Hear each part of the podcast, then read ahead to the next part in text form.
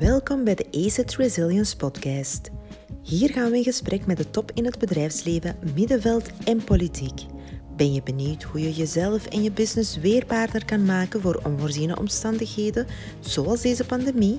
Pak dan pen en papier en luister naar de tip en tricks van de experts.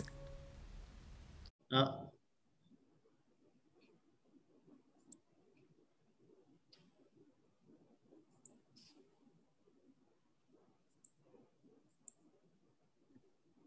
We zijn live. Ja. Top. Bij deze goeie, goeiemorgen, dag. Uh, beste Anne-Catherine, Anne-Catherine Chevalier, uh, general manager bij het Prins Albert Fonds. Goedemorgen, hoe gaat het met u? Goedemorgen, goed Joseph, dank je. U belt vanuit Brussel, geloof ik. Ja, inderdaad. Ik woon in Brussel en ik werk dus van thuis, zoals waarschijnlijk de meeste van ons inderdaad, het zijn zeer boeiende tijden. En nu, we, we, staan al even in contact en uh, natuurlijk, uh, beide organisaties, Seat Table, uh, Prins Albert Fonds, hebben een paar zaken gemeen. Een daarvan is dat wij jonge talenten en jonge mensen vooruit willen steunen in het leven. Jullie hebben een heel, heel, apart verhaal, een heel boeiend verhaal. Een van onze drie core values, we hebben er drie. Ambitie, zelfredzaamheid en ondernemerschap.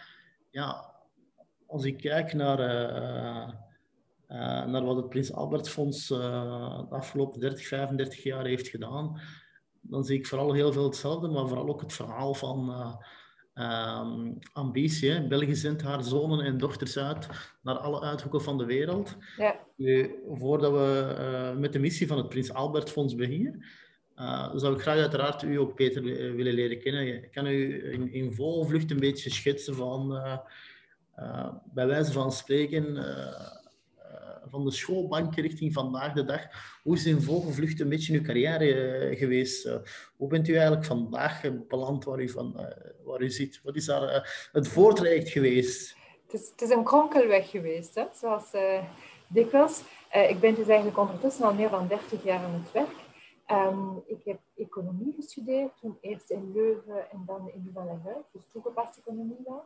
Um, daarna eigenlijk de eerste tien jaar van mijn carrière vrij klassiek, als ik zo mag zeggen, consultant geweest voor meerdere bedrijven, dus eerder in de corporate world.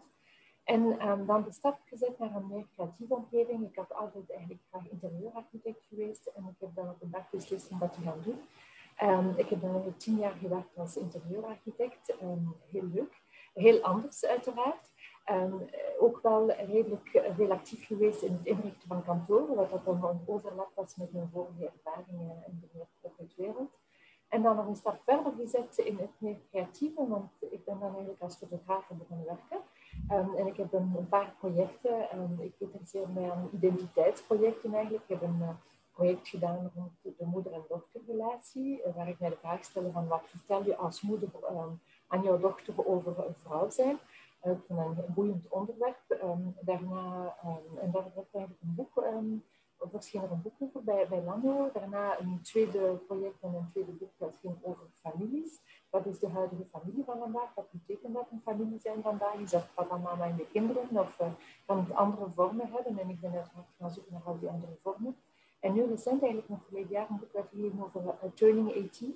Wat wil dat zeggen om 18 jaar oud te zijn? Ik vond dat ook een boeiende thema van wat denken de jongeren van vandaag en, hoe uh, kunnen zij zich in hun toekomst projecteren. Dus dat was mijn, mijn fotografisch werk. En ondertussen eigenlijk in parallel ook uh, begonnen bij de Koning Stichting. Ik werk er al zeven jaar en ik ben onder andere bezig met het Prins Albert Fonds en waar we het vandaag over hebben. Een zeer boeiend fonds, die eigenlijk al 35 jaar bestaat en die inderdaad als objectief heeft om jongeren te steunen en, en hen een duwtje in de rug te geven naar een internationale carrière. Dankjewel. Ja. Inderdaad, een, een, een, een, heel wat sprongen, maar zoals de meeste van onze sprekers. Hè. Nu, laten we even beginnen bij het Koning Boudewijn Fonds. Ik zit er zelf uh, regelmatig met, met de Friday Group. En uh, ja, het, het, is, het, is, toch wel een heel aparte uh, instelling, instituut, zeg maar. Uh, kan nu e-, e-, even het Koning Boudewijn Fonds toelichten, want daar gebeurt veel, toch enorm veel. Ja, uh, het is moeilijk om de Koning Boudewijn um, Stichting eigenlijk voor te stellen. Je kan het of heel kort doen, of dan moet het heel lang zijn, want we zijn met heel, heel veel bezig. Um, dus onze overarching uh, mission, als ik het zo mag zeggen, is echt de maatschappij verbeteren. Dus het is inderdaad een hele brede objectief. Het neemt zeer verschillende vormen. Het heeft te maken uiteraard met allerlei gezondheidsproblematiek, heeft te maken met democratie, heeft te maken met armoede, heeft te maken met uh, kinderenwelzijn, heeft te maken um, met jong talent ondersteunen. Dus we zijn heel, heel breed bezig. We hebben onze eigen projecten, maar we steunen dan ook uh, projecten die van, buiten komen, um, of voor individuen, of voor bedrijven, of groeperingen. En we hebben, denk ik, het verandert elke dag, maar uh, zeker meer dan 700 fondsen die wij uh, beheren binnen de stichting. Dus heel, hele waaier van activiteiten. Ja, 700 fondsen, dat is, dat, is natuurlijk heel fenomenaal. Natuurlijk. Maar wat, mag ik me daarbij inbeelden? Is het dan, zijn dat dan bedrijven die een fonds willen oprichten rond een bepaald thema? Zijn dat mensen die overlijden en die graag hun nalatenschap bij het Koning Wat is daar typisch, Inderdaad, heel typisch wat je zegt. We hebben heel kleine fondsen. een, een, typisch voorbeeld is um, een familie waarvan een kind verongelukt is bijvoorbeeld en, en die graag iets willen doen om verkeerszekerheid voor kinderen bijvoorbeeld uh, te steunen. En die dan elk jaar bijvoorbeeld een project van een school steunen die iets doen naar uh, zekerheid voor het boord en zorgen dat er minder ongevallen zijn bij de schoolpoort bijvoorbeeld.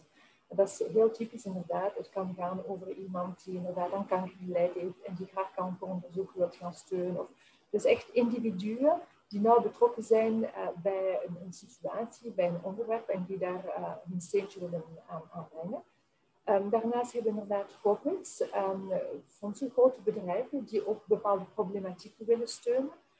Of gelinkt aan hun missie of niet. Het, is, het hangt echt af van bedrijf tot bedrijf. We hebben nu deze zomer een hele reeks COVID-fondsen zien afkomen. Dus bedrijven die graag een steentje willen bijdragen om te zorgen dat de COVID-crisis um, voor bepaalde delen van de populatie, terug elk heeft daar een beetje zijn eigen zicht op, um, te steunen. Um, we hebben dan ook de fondsen, zoals bijvoorbeeld het Prins Albert Fonds. Dat is nog een bedrijf, nog een klein fondsje, maar dat ligt nou aan bij de stichting. En dat werd eigenlijk mede opgericht door de Vereniging van Belgische Ondernemingen en de stichting. Dat is 34 jaar geleden ondertussen zelfs iets meer, denk ik. Ja, we zijn in, in 84 um, van start gegaan. En dat was eigenlijk daarvan ook onze naam, ter gelegenheid van de 50ste verjaardag van prins Albert, die ondertussen koning geworden is. Omdat hij heel veel gedaan heeft voor export en, en bedrijven heeft uh, gesteund en heel veel exportmissies gedaan heeft. En dat was dus een, een manier om hem te bedanken. Daarvan ook uh, onze naam eigenlijk. Ja, zeer boeiend natuurlijk, het VBO uh, als partners, als zich een partner. we zijn er ook vaak over de vloer gepasseerd natuurlijk. Van, waar ook weer, van waar specifiek de samenwerking met het VBO? Is dat, is dat. Ik was er al, aan eerlijkheid niet bij toen ze daarmee gestart zijn. Dus hoe dat juist gebeurd is, um, is mij niet 100% duidelijk. Maar ik denk dat het eigenlijk het, een samenwerking is geweest van de de baas van de stichting toen en, en de voorzitter uh, Daniel Janssen, die toen voorzitter was van de VBO. Um, en, en zij hebben daar waarschijnlijk samen over nagedacht. En, en, hoe dat zij uh, juist gedaan hebben, is mij in alle eerlijkheid onduidelijk. Ik was niet aan de tafel. Um, maar um, ja, ik denk ze hadden alle twee het, idee dat jongeren konden ondersteund worden om naar het buitenland te gaan. Het klinkt inderdaad wel een beetje raar, maar we moeten ons voorstellen dat dat voor e-mails, voor computers, voor mobiles, voor de WhatsApps en van al van deze wereld was. Dus echt jongeren buiten Europa sturen, dat was heel avontuurlijk toen. Dat was echt een, een heel andere zaak dan nu. En ze hadden beseft dat België zo'n klein land was, dat wij eigenlijk alleen maar economisch kunnen overleven als wij ook um, exporteren. Dus de bedoeling was om te zorgen uh, dat, dat België talent zou hebben om te zorgen dat de Belgische bedrijven uh, de exportmarkten konden aanpakken. Ja, ik heb, ik heb nog niet zo lang geleden gelezen dat ons land uh, de, de meest geïnternationaliseerde economie heeft. Hè, van ja, dat verbaast mij niet. Dus we zijn enorm afhankelijk van export en van daar het idee van uh, uh, waar zenden onze jonge talenten uit naar alle uithoeken van de wereld. Dat was nu, inderdaad het idee. Nu, u bent daar uh, enkele jaren geleden al beland. U bent u daar al zeven jaar mee bezig? Ja. bijna zeven, ja. ja. Dus bijna meteen van uw aantreden bij, het, bij de Koning Boudewijn Stichting. Mm. Wat, wat, wat, wat, trok je zo aan in dat verhaal toen, u, toen u daarbij bent begonnen? Ik vind het een, een heel boeiend verhaal, uh, want um, het, idee is eigenlijk machtig van het begin. Het idee was van um, wij als stichting gaan jong talent kiezen en wij gaan ze betalen. En dan aan de bedrijven zeggen van voilà, wij geven jullie gratis, het is uiteraard niet volledig gratis, we kunnen straks uh, over spreken, maar uh, ze moeten het salaris van de kandidaat niet betalen. En het idee was van op die manier geven wij kansen aan jongeren die eigenlijk nog niet, moesten zij zwaar en duur betaald worden om naar het buitenland gestuurd te worden, hebben zij nog niet de nodige ervaring, hebben zij nog niet um, genoeg uh, ja, kunnen bewijzen dat zij het echt waard waren. En dus het idee was van, we gaan streng selecteren en we gaan um, de bedrijven dan zeggen van, oké, we hebben hier een pool of talent, dat wij op een zeer goedkope manier ter beschikking zetten en maak er gebruik van en geef die jongeren een kans. Dus het gaat over, we verwachten ook dat de bedrijven echt uh, die jongeren helpen groeien. Het is niet zomaar een job geven, het is ook zorgen dat dat voor hen een springplan wordt um, naar, naar de toekomst en, naar hun carrière. Dus ja, ik vind dat heel boeiend. En, en toen um, baas van de stichting mij voorstelde om, om dat fonds over te nemen, um, ja, vond ik het echt zeer interessant. Ik, ik, vind het persoonlijk echt zeer, zeer leuk om jongeren te helpen hun weg in het leven te vinden. Uh, en ja, ik heb die luxe dat ik mij daarmee uh, mee bezig kan houden.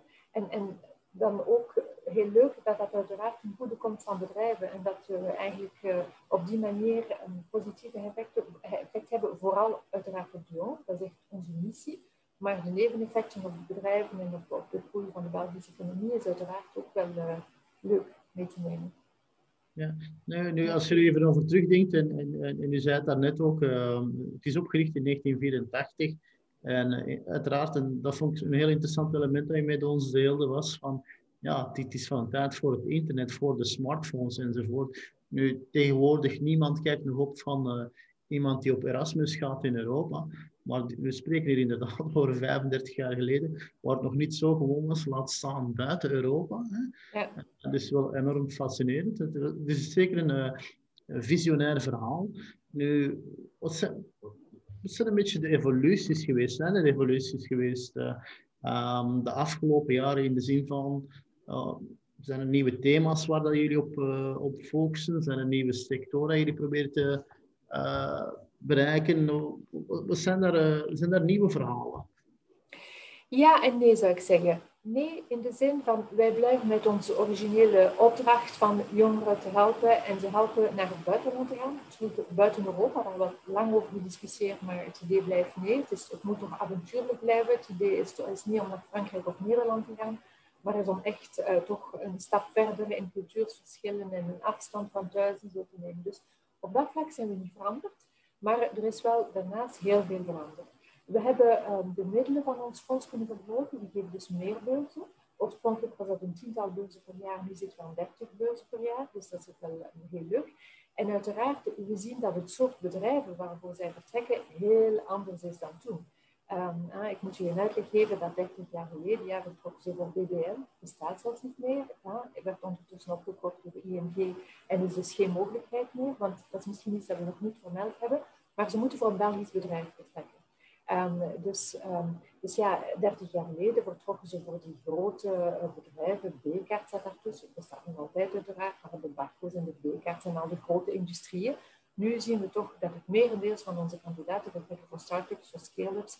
Heel veel in de digitale wereld uiteraard, hè, want dat is ook een, een stuk uh, van onze industrie die zwaar aan het groeien is. Um, dus dat is zeker een groot verschil. Ze vertrekken niet meer voor die grote, want ja, wie 30 jaar geleden ging zo ver eh, van, thuis exporteren. De zeer grote bedrijven. De dag vandaag is dat niet meer waar. Um, en dus zien we ook kleinere bedrijven um, die verder trekken. Dus dat is volgens mij het grootste verschil. We hebben dan ook intern uiteraard heel veel aangepast. Uh, de opleiding die we geven bijvoorbeeld werd regelmatig aangepast om, om in tune te blijven met uh, de behoeftes van de dag van vandaag.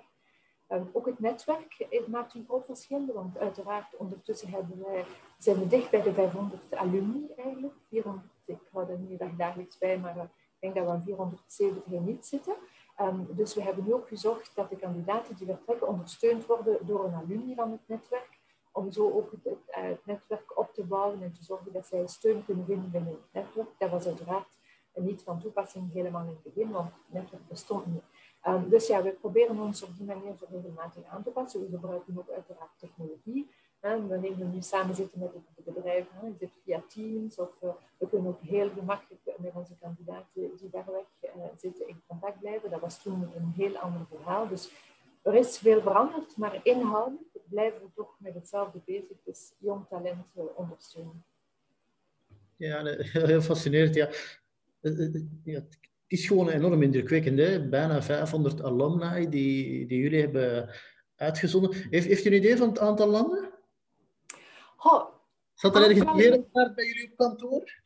Goh, heel veel. Eigenlijk heb ik het aantal landen, dat is een goede vraag. Ik zou het een keer uh, moeten berekenen. We zijn juist uh, heel onze alumni-lijst in, in Salesforce aan het brengen. Dus we gaan gemakkelijker aan statistieken kunnen geraken.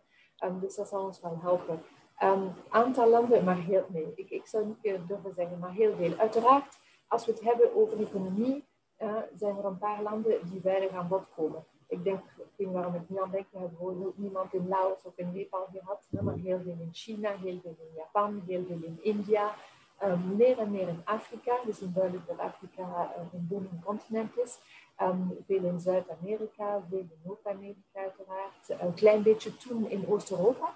Want um, het was altijd buiten West-Europa was het oorsprong. Dus er zijn er nog een paar uh, naar Oost-Europa getrokken, wat de dag van vandaag niet meer toegelaten is, omdat zij als Europa beschouwd zijn worden. Maar um, dus um, ik zal er een keer optellen, maar ik weet het niet. Ja, Wel heel veel. We hebben al geteld meer dan 220 verschillende bedrijven, denk ik. en we zouden eigenlijk opnieuw moeten tellen, want dat was ook al een, een tijdje geleden. We zijn wel heel fier dat we, um, zeker de dag van vandaag, uh, evenveel um, vrouwen hebben dan mannen die de beurs krijgen. Dat was toen niet het geval. Dus ik denk onze algemene statistieken zijn nog aan iets van 35% vrouwen. Want ja, 35 jaar geleden waren er meer mannen. Maar de dag van vandaag zijn er evenveel uh, vrouwen als mannen die de beurs krijgen. Ja, ik wil natuurlijk ook graag mee aan, aan, iedereen die meekijkt. En we zijn al wat berichten aan het kijken op de, in, uh, aan binnenkrijgen op de WhatsApp-groepen.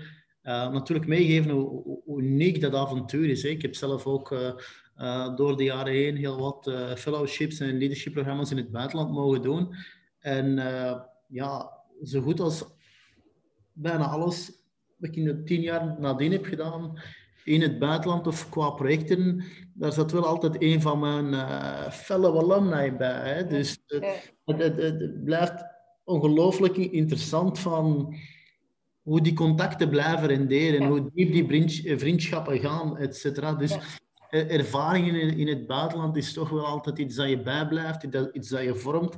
Ik geloof ook dat Pieter van Hemme een, een alumni bij jullie is. Die is dan uiteraard, uh, hebben ook veel mee gedaan binnen Seat at the Table. Um, ja, die, die is dan Hij heeft nu zijn boek geschreven.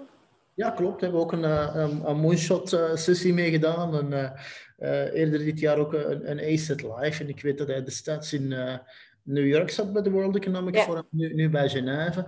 En dat een deel van zijn uh, verhaal en ervaring ook gestuurd is op de deuren die jullie voor, hebben, voor hem hebben ook ja. gedaan. En voor de meeste van de alumni. Nu, voor we gaan naar, naar, naar, naar de ervaringen van de alumni zelf en het, en het selectieproces, wat, wat denk jij dat ze er het meest uithalen? Wat, wat, wat is zo cruciaal om daar toch voor te plaaien? Het is uiteraard altijd wel persoonlijk. Iedereen zoekt een klein beetje iets anders en ik kan niet in hun naam um, antwoorden. Maar toch, als ik ze hoor, ze zeggen toch dat het een, een unieke ervaring is op, op meerdere vlakken. Persoonlijk, zeker en vast. Want het blijft niet zo eenvoudig om helemaal alleen um, aan de andere kant van de wereld te, vertrekken. Uh, het is uiteraard de dag van vandaag toch een stuk makkelijker met alle technologie die we hebben, maar toch, uh, je begint daar helemaal alleen. Je komt toe in New York, je moet het bedrijf oprichten, want veel die naar New York gaan, naar de kleine start-ups, die meestal nog niet incorporated zijn in de VS, en dus zij moeten voor alles zorgen, en ze komen af met een valies. En oké, there we go. And where do you get started? And what do you do? En je kent de taal, uiteraard een beetje, maar toch niet perfect. Je kent de cultuur nog niet goed, je vindt je weg nog niet. Dus het, het hele avontuurlijk, zo van helemaal alleen voor één jaar te vertrekken en, en jouw plan te moeten trekken, blijft toch persoonlijk ehm, een zeer rijke ervaring. Ze zeggen het allemaal, uh, dat zij daar wijzer van worden, dat zij zichzelf veel beter leren kennen, dat zij ook uh, die cultuurverschillen goed kunnen gebruiken om zich beter te situeren, om zich beter te begrijpen. Dus zeker en vast een grote boost uh, op persoonlijk vlak, maar ook professioneel. Ze zeggen allemaal dat ze eigenlijk niet aan dat niveau van, van verantwoordelijkheid gaan, hadden kunnen geraken zonder uh, het fonds. En want zoals ik zei, uh, we maken het een beetje risicovrij, is niet het geval, maar we helpen toch de bedrijven door onze strenge selectie en door het feit dat wij het grootste van de kost draaien. Dus zij durven ook aan die jongere kandidaten posities geven die ze waarschijnlijk niet zouden geven in een normale omstandigheid. Dus ze zeggen allemaal van wauw, het is echt een sprong in een carrière geweest. Um, alleen had ik het niet kunnen doen. En ik denk ook dat zij inderdaad het, uh, netwerk waarderen. Dat is elk jaar iets meer uiteraard, omdat ons netwerk elk jaar groter wordt. En dat zij er veel aan hebben om te mogen steunen op, op het netwerk als zij um, problemen hebben, als zij vragen hebben, als zij bepaalde onderwerpen uh, moeten gaan opzoeken. Of zo kunnen ze eigenlijk zeer gemakkelijk op dat netwerk terugvallen. Dus ik denk dat ze dat ook waarderen. Maar bon, de twee grote uh, troeven zijn duidelijk persoonlijk en professioneel een grote sprong naar voren. Heel duidelijk. Ja, fantastisch. Hè? Ja. Ik blijf hem een boeiend, fascinerend verhaal vinden. Nu, hoe, werkt dat selectieproces? Hoe, hoe vinden jullie de jonge talenten? Hoe vinden de jonge talenten jullie? Ha, hoe dat zij ons vinden is altijd onze grootste vraag, uiteraard. Want uh, we zijn een, een non-for-profit, dus wij geven heel weinig aan reclame uit. Wij proberen al onze middelen in onze beurzen te geven, om, om zoveel mogelijk uh, jong talent de kans te geven om te vertrekken. Um, dus um, wij werden oorspronkelijk via de universiteiten bekend. Want helemaal in het begin van het fonds moest er geen ervaring zijn. Nu verwachten wij dat zij na hun master toch een minimum aan ervaring hebben omdat zij dan op die manier ook aan, leuke posities geraken en, meer verantwoordelijkheid bij de bedrijven. Dus oorspronkelijk eh, ging dat eh, door de universiteiten. Um, en is de word of mouth eigenlijk heel um, actief geweest. En, de meeste van onze kandidaten kwamen via via, want het een van hen had het gedaan, de zus van een broer van de dochter van de tante enzovoort. Dus eigenlijk op die manier um, werden wij bekend. Wij proberen daar um, iets uit te geraken, omdat we daardoor in, zeer kleine kringen eigenlijk maar bekend zijn. Dus we, zijn, uh, we hadden een, fantastische voorzitter een paar jaar geleden, marketingmanager, Chris Burghagen, die misschien gekend, en heeft ons echt gepusht um, op, vlak van marketing en gezegd van uh, we moeten meer creatief zijn. We zijn dan sinds dan eigenlijk ook een heel stuk meer actief op sociale netwerken, want dat is eigenlijk nog een hele goedkope manier om zich bekend te maken. Dus um, we hebben een pagina op Facebook, we hebben een pagina op LinkedIn. Um, en wij proberen te communiceren over ons verhaal, onze kandidaten. Dus het is op die manier dat we proberen van ons bekend te maken. We hopen ook uiteraard op onze kandidaat, maar we gaan blijven terug een beetje in dezelfde kring. Dus dat is duidelijk een grote uitdaging voor, voor ons nu, van hoe geraken wij uit de kring die ons kent.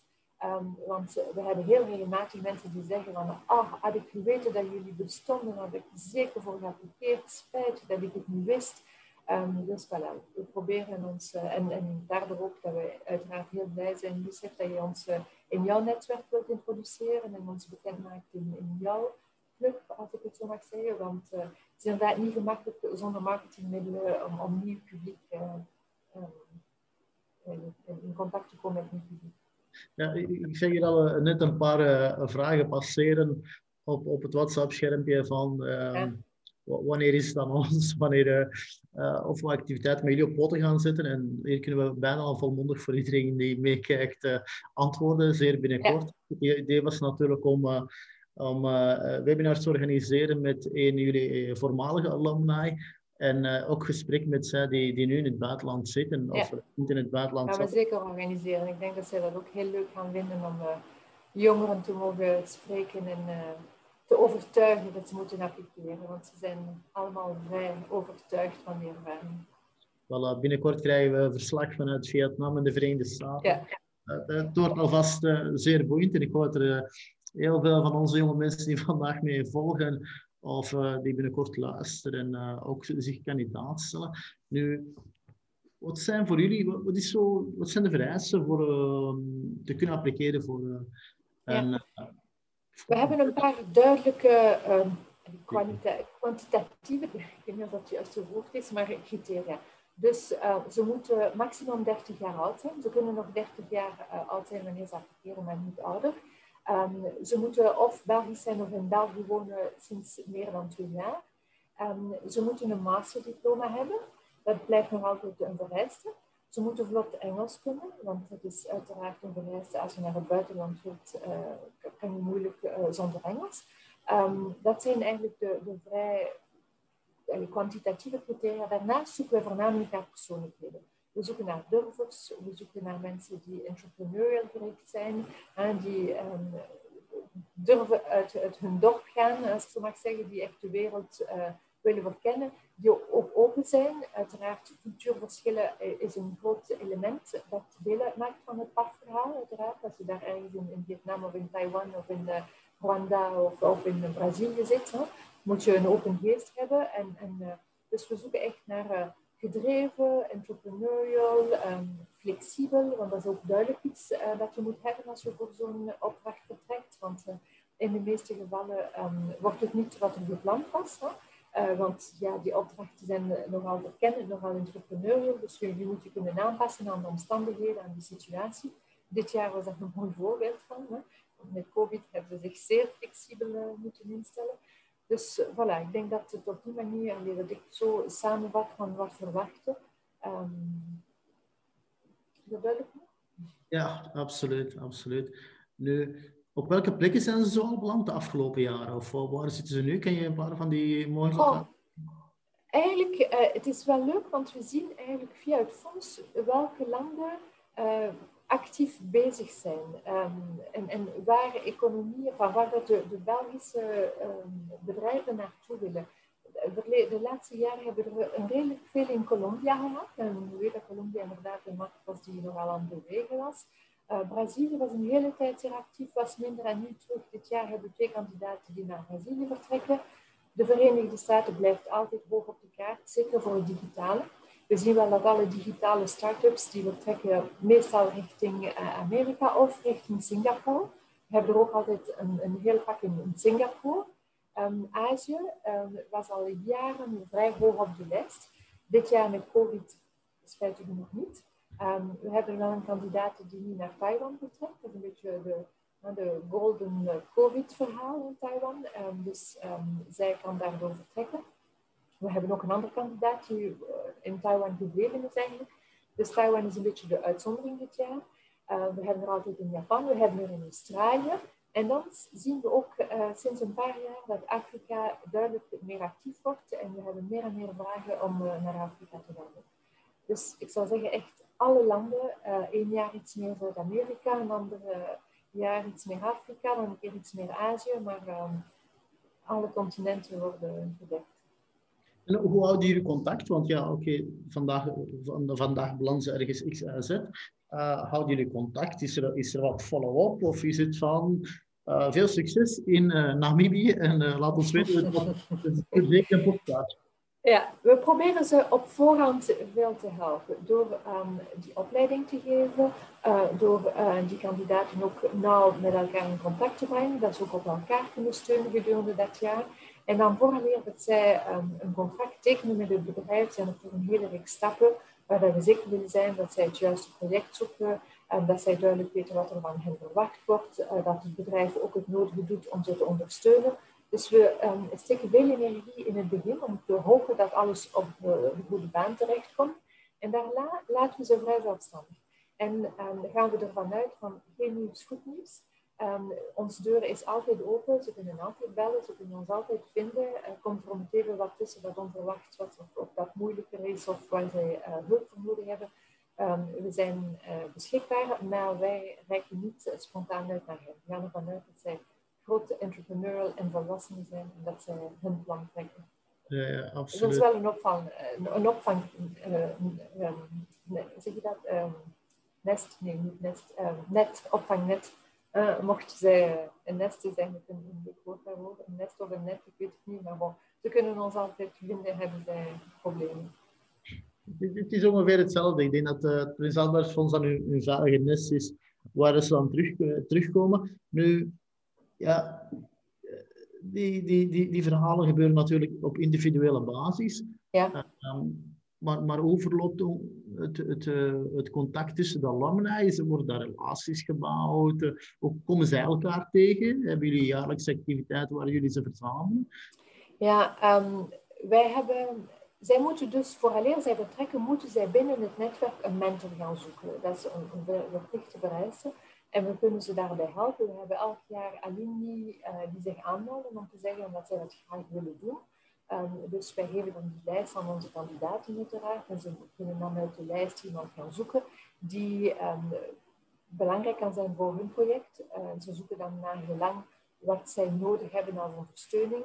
Of iemand die de regio kent, of iemand die het onderwerp kent, of iemand die de industrie kent waar dat zij terecht um, geraakt. Want meestal is het voor hen een, vrij nieuwe omgeving. Dus op die manier starten wij al, is er een eerste ingangspunt in het netwerk. En daarna, ja, wij organiseren activiteiten voor alumni. Um, uiteraard, nu de dag van vandaag, is dat iets minder makkelijk. We hebben altijd onze jaarlijkse ceremonie ook, waarbij wij alle alumni uitnodigen en daarna een alumni-event organiseren. Uh, dat is een, ook een manier om al die nieuwelingen, uh, die net hun diploma ontvangen hebben, um, te verwelkomen in die groep. Um, dus ja, we proberen zo door kleine activiteiten, maar ja, we zijn uh, als organisatie zijn we niet zeer groot. Uh, onze alumni zitten ook overal in de wereld verspreid. Um, dus het is niet zo gemakkelijk om ze allemaal hier in, in België te hebben. Daardoor is het digitale wel leuk. We hebben een informatiesessie gehad een paar weken geleden. En het was heel leuk, want heel veel alumni die in Chile zaten, in Amerika, in Brazilië of zo konden erbij zijn. Het was wel s'avonds, dus de circulaars in Azië zaten, die uh, moesten daar te laat voor uh, blijven opstaan. Maar uh, ja, het digitale helpt ons wel om het netwerk te onderhouden. Ja, nee. En kan je een beetje vertellen over ja, wie, wie een beetje de alumni zijn van de afgelopen jaren? Waar zitten ze nu? Wat, uh, wat spoken ze tegenwoordig uit? Oh, echt van alles moet ik zeggen. Um, een heel deel blijven in hun bedrijven. En een, een, mooi voorbeeld daarvan is onze huidige voorzitter, Emmanuel Keimax. Hij is um, in het directiecomité bij UCB, farmabedrijf. En is eigenlijk bij UCB binnengeraakt dankzij het Prins Albert Fonds, um, meer dan 25 jaar geleden. En heeft er al zijn carrière gedaan en is daar tot op het hoogste niveau geraakt. Um, dus we hebben dat soort alumni die eigenlijk echt een bedrijf vinden en daar hun weg in vinden. Um, andere gevallen zijn um, meer entrepreneurial. Chris Bukhaven, zoals ik zei, is ook een van 30 jaar geleden. En zegt een entrepreneur. Heeft dan voor Anheuser-Busch gewerkt, maar is ondertussen echt uh, op eigen poten uh, als entrepreneur uh, actief. Um, dus ja, heel veel verschillende verhalen, moet ik zeggen. De jonge alumni, um, zou ik zeggen, een beetje hetzelfde. Sommigen blijven bij de bedrijven, sommigen niet. Wel, zoals ik zei, zien we dat ze meer naar kleinere bedrijven gaan. We hebben nu een alumni um, die um, cowboy op de markt brengt, hè, de Robert en de fietsen. Um, we hebben uh, alumni in allerlei meer digitale start-ups uh, die er ook blijven. Um, veel blijven in het buitenland, maar een hele reeks komen dan ook terug. Uh, dus het is echt heel variabel. Het hangt echt van persoon tot persoon. Maar we hebben alumni echt in alle sectoren, zou ik durven zeggen, in, in allerlei verschillende landen. Le Grand bijvoorbeeld is een, een grote specialist geworden van fintech. is ook 25 jaar geleden nog voor BBL, dus de fameuze Belgische bank die niet meer Belgisch is uh, vertrokken. heeft daar ook heel zijn carrière gedaan en een grote specialist in, in fintech geworden. Um, dus ja, zeer, zeer verschillende verhalen. Wat is een beetje de respons van ja, Belgische bedrijven? Hoe kijken zij naar dit verhaal? Dat is een interessante vraag, want we hebben zo recent um, hebben we een, een gedaan van een reeks bedrijven met wie we werken, om hen te vragen van ja, het COVID-verhaal, verandert dat? Um, denken jullie dat het fonds niet meer nuttig is? Hè? Zoals we zien dat iedereen nu uh, vanuit thuis achter zijn schermen zaken kan doen, blijft het dan nog relevant om, om mensen naar het buitenland te sturen? En hoe zien jullie dat? En denken jullie dat um, wij nog nuttig zijn en dat wij iets voor jullie kunnen betekenen? En ik moet zeggen, de antwoorden waren heel um, positief uh, ja. Van alsjeblieft, wij denken echt dat jullie nog moeten bestaan. het is voor ons een unieke manier om talent te vinden. Ze zeggen dat het feit dat wij een soort publiek aantrekken, zoals ik daarnet zei, een beetje de durvers, degenen die vooruit willen, die, die naar het buitenland durven gaan en zo. Ze zeggen van dat is eigenlijk jong publiek dat wij moeilijk kunnen identificeren en vinden. Dus het feit dat wij ze via jullie kunnen vinden is voor ons heel belangrijk. Um, dus dat was zeker een, een, belangrijk punt voor hen. En ook zeiden ze van in het buitenland dat gaat blijven. Uiteraard gaan we allemaal waarschijnlijk na die uh, COVID-crisis iets meer um, achter ons scherm zitten en niet altijd, um, uh, ons niet altijd verplaatsen voor kleine meetings en zo. Maar uh, face-to-face -face samen zitten, klanten leren kennen, business gaan ontwikkelen dat gaan we van, vanuit het buitenland blijven doen. Um, dus uh, wij zien niet echt een, een, een, grote verandering in de komende jaren. Bedrijven blijven onze formule zeer uh, aantrekkelijk vinden. Ja, toch. Nu, heel concreet, hoe, hoe, kunnen onze jonge mensen zich uh, kandidaat stellen? Ja, het is nu net het goed moment, hè, want onze projectoproep is open tot 11 januari. Um, dus mocht jullie interesse hebben, Ga zeker op onze website, op ons YouTube-kanaal ook, prinsalbertfonds.be, heel eenvoudig. je hebt daar allerlei testimonials, mocht je nog meer willen zien van wat soort projecten, wat soort mensen. Um, heb je twijfels, kan je gerust contact nemen met de alumni. Mocht je ze niet vinden, stuur ons dan een mailtje. We kunnen jou um, in contact brengen. Um, en is echt het moment nu om het dossier in te dienen. Het dossier moet je indienen via de Koning Stichting, maar dat is allemaal terug te vinden op onze uh, website van Prins Albert Fonds. Je moet een dossier indienen. Het is um, een, vijftal vragen um, die wij stellen, waar het, die, die, ja, ik zou zeggen, en standaard en niet zo gemakkelijk zijn. de typische vraag van, ja, waar heb je ergens gefaald? Wat heb je daarvan geleerd?